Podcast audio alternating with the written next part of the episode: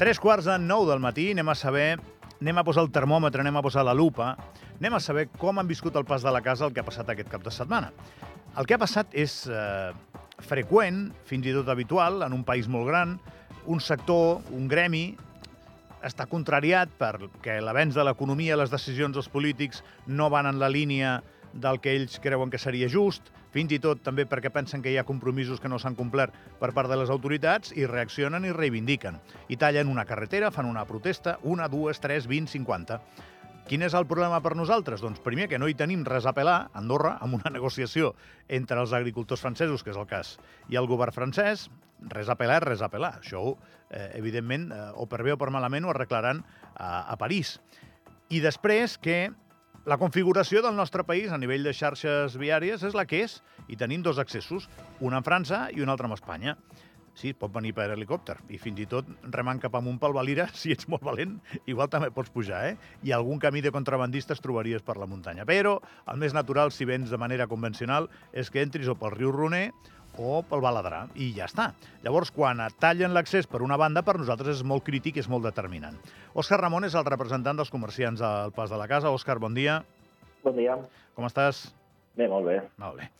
Explica'm el cap de setmana. Eh, tu, tu al final tens una farmàcia, eh, però sí que representes, eh, ets el portaveu dels interessos comercials de moltíssima gent que té negocis molt diferents, no? Com ho heu viscut, això? Home, amb molta estranyesa, és a dir, perquè normalment els caps de setmana és, la... Bueno, quan treballem més i realment... Bueno, es, es pot dir dues coses, que a nivell de, de pista s'ha anat bé perquè hi havia molta gent que, que residia aquí i la gent ha treballat bé, però el que són els, la restauració i sobretot els, els supermercats que estan a la part baixa, doncs gairebé no han treballat per el tema que m'has dit abans. He escoltat, eh, he llegit moltes estadístiques diferents, no? que la- l'afectació fregava el 90%, el 50%, o, on, on poses tu més o menys el límit, Òscar? La veritat que és difícil saber, també de, de, depèn de la part on estiguis. Nosaltres a, nivell de farmàcia, que estem una mica al mig, doncs ha sigut un, un 50. Però eh, jo, jo entenc que potser els supermercats que estan més to- tocant el, a la carretera nacional, que estan més lluny de, de pistes, potser sí que ha arribat al 90. Home, el 50 és la meitat de la caixa, eh? no és poca cosa. No, no, la veritat que és important. I sobretot el que et deia, és dir, cap de setmana és, és, és com fem una mica bueno, doncs, doncs la, les beneficis de la setmana. Sí, vull dir que no ens s'han posat a protestar dimecres i dijous. No, no, ho fan expressament. Evidentment, saben quan poden fer mal i, i, quan, i per reaccionar suposo que és el més útil. Tu vas tenir algun tipus de contacte amb els manifestants en algun moment? Alguna delegació de comerciants al pas us veu anar interessada com estaven les coses? O, o ja, com que no és la primera vegada, ja deixeu fer i ja penseu que doncs ja acabarà quan acabarà? No, estàvem informats en tot moment, però no, no vam anar allà perquè també sabíem que no, no aconseguiríem gaire cosa. És a dir, el, que sí que estaven informats a nivell de, bueno, a, a nivell de govern i de comú de, de l'última hora, i després tenim un, un grup de WhatsApp de tota la gent d'aquí del pas i estan al corrent, però poc a poc ho podíem fer coses des d'aquí. Si em llegeixes els missatges del grup de WhatsApp, què trobaries si me'ls llegissis?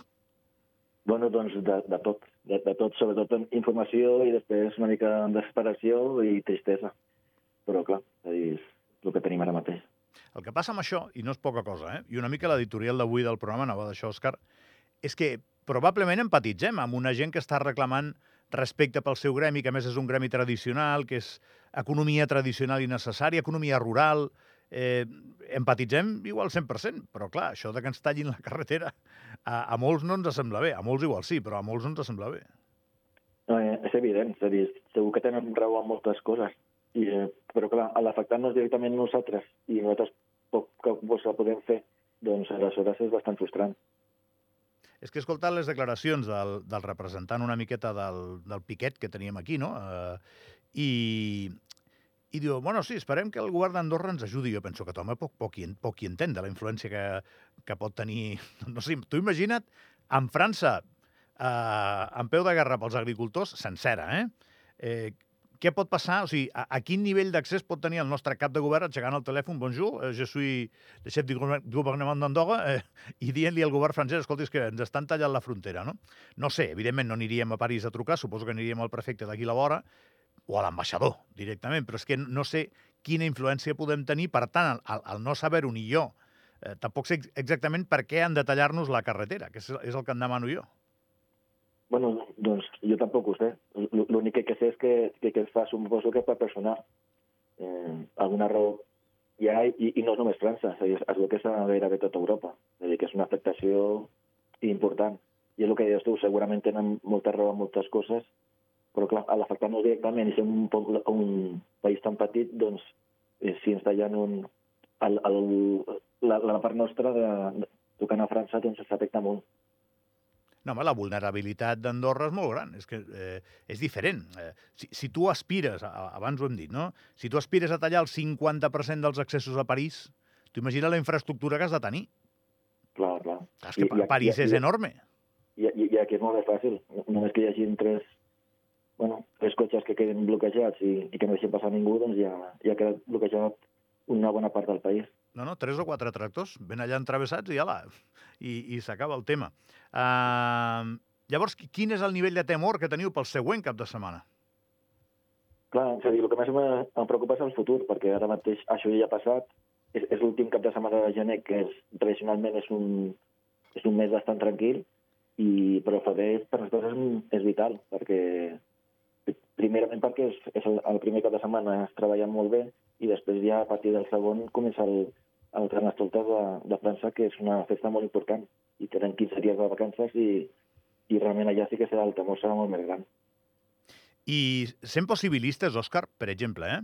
no podríem anar a veure el senyor Tallant, que no sé on viu. D'on és aquest senyor? Tu el coneixes o no? No, no, no el coneixo. Bueno, serà, serà a Liejoa, serà d'aquí la vora, eh? Segur. Anar-lo a veure i dir-li, escolta, no podríeu fer, no, no sé, lloc, eh, moments de pas, Eh, protesteu quatre hores i feu dues hores de pas i, i anem fent, no?, perquè puguin entrar els turistes. Tu creus que això podria tenir algun efecte o no? Jo, jo crec que, i, i, i s'ha des d'aquí, és a dir, em sembla que estava bloquejat, no sé si eren 400 belgues, i, i va vindre algú d'aquí de, del pas i, i va intercedir i va aconseguir que, que passessin. Suposo que posar una mica de, de, de, de, mà, de, de mà esquerra potser es pot aconseguir coses, però clar, mm, potser és anar parlant directament intentant aconseguir-ho. És, és una possibilitat que, que, que suposo que podrem bueno, desenvolupar. Bueno, si, si dimecres no va haver la reunió aquesta que ha d'anar, doncs ja posar-te les piles ràpid i intentar que la via de la diplomàcia eh, funcioni. Tu que estàs allà al pas doncs, tota la vida, Òscar, quantes vegades més recordes que hagi passat això? Perquè moltes vegades el que passava, i això era una qüestió eh, més derivada punt número 1 de les inclemències meteorològiques o d'afectacions geològiques, no? de esllavissades, allaus, etc i que no retiraven ràpidament la neu de la carretera, això jo sí que ho recordo, però per qüestions sindicals recordo algun episodi, però pocs. Quan recordes tu que hagi passat això abans?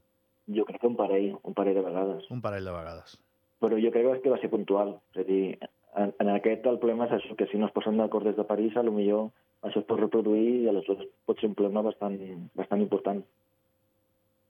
Bé, doncs eh, l'ambient al pas de la casa, enrarit, d'estranyesa, una mica de tristor, m'has dit, eh, i alhora també de, de resignació. Una de les declaracions que escoltàvem aquí, Òscar, per part d'un comerciant era, home, pensant en ells, hem d'entendre el que reivindiquen, no? Eh, hem d'acceptar que tenen una reivindicació. El problema és que no sé si ells pensen en nosaltres. Segurament no pensen en nosaltres, això està claríssim. És, és una manera més de, de personar. És dir, nosaltres som una pota molt petitona, i, però clar, en un país tan petit doncs, doncs és bastant important. Òscar Ramon, portaveu dels comerciants del Pas de la Casa, et deixo que, que et vaig dir que ahir 55 plegaríem perquè has d'obrir la farmàcia. Avui, vale. avui recuperarem la normalitat, però clar, avui és dilluns, avui no espereu ni un moment una llau de turistes, no? No, treballarem amb la gent del, del poble i amb la gent de les pistes, però amb els turistes una mica, però clar, l'ofert fora és cap setmana. Una abraçada, Òscar, cuida't molt. Una abraçada, que vagi molt bé. Que vagi molt bé. Re, una petita pausa i us, us explico com estan les pistes d'esquí. Vinga.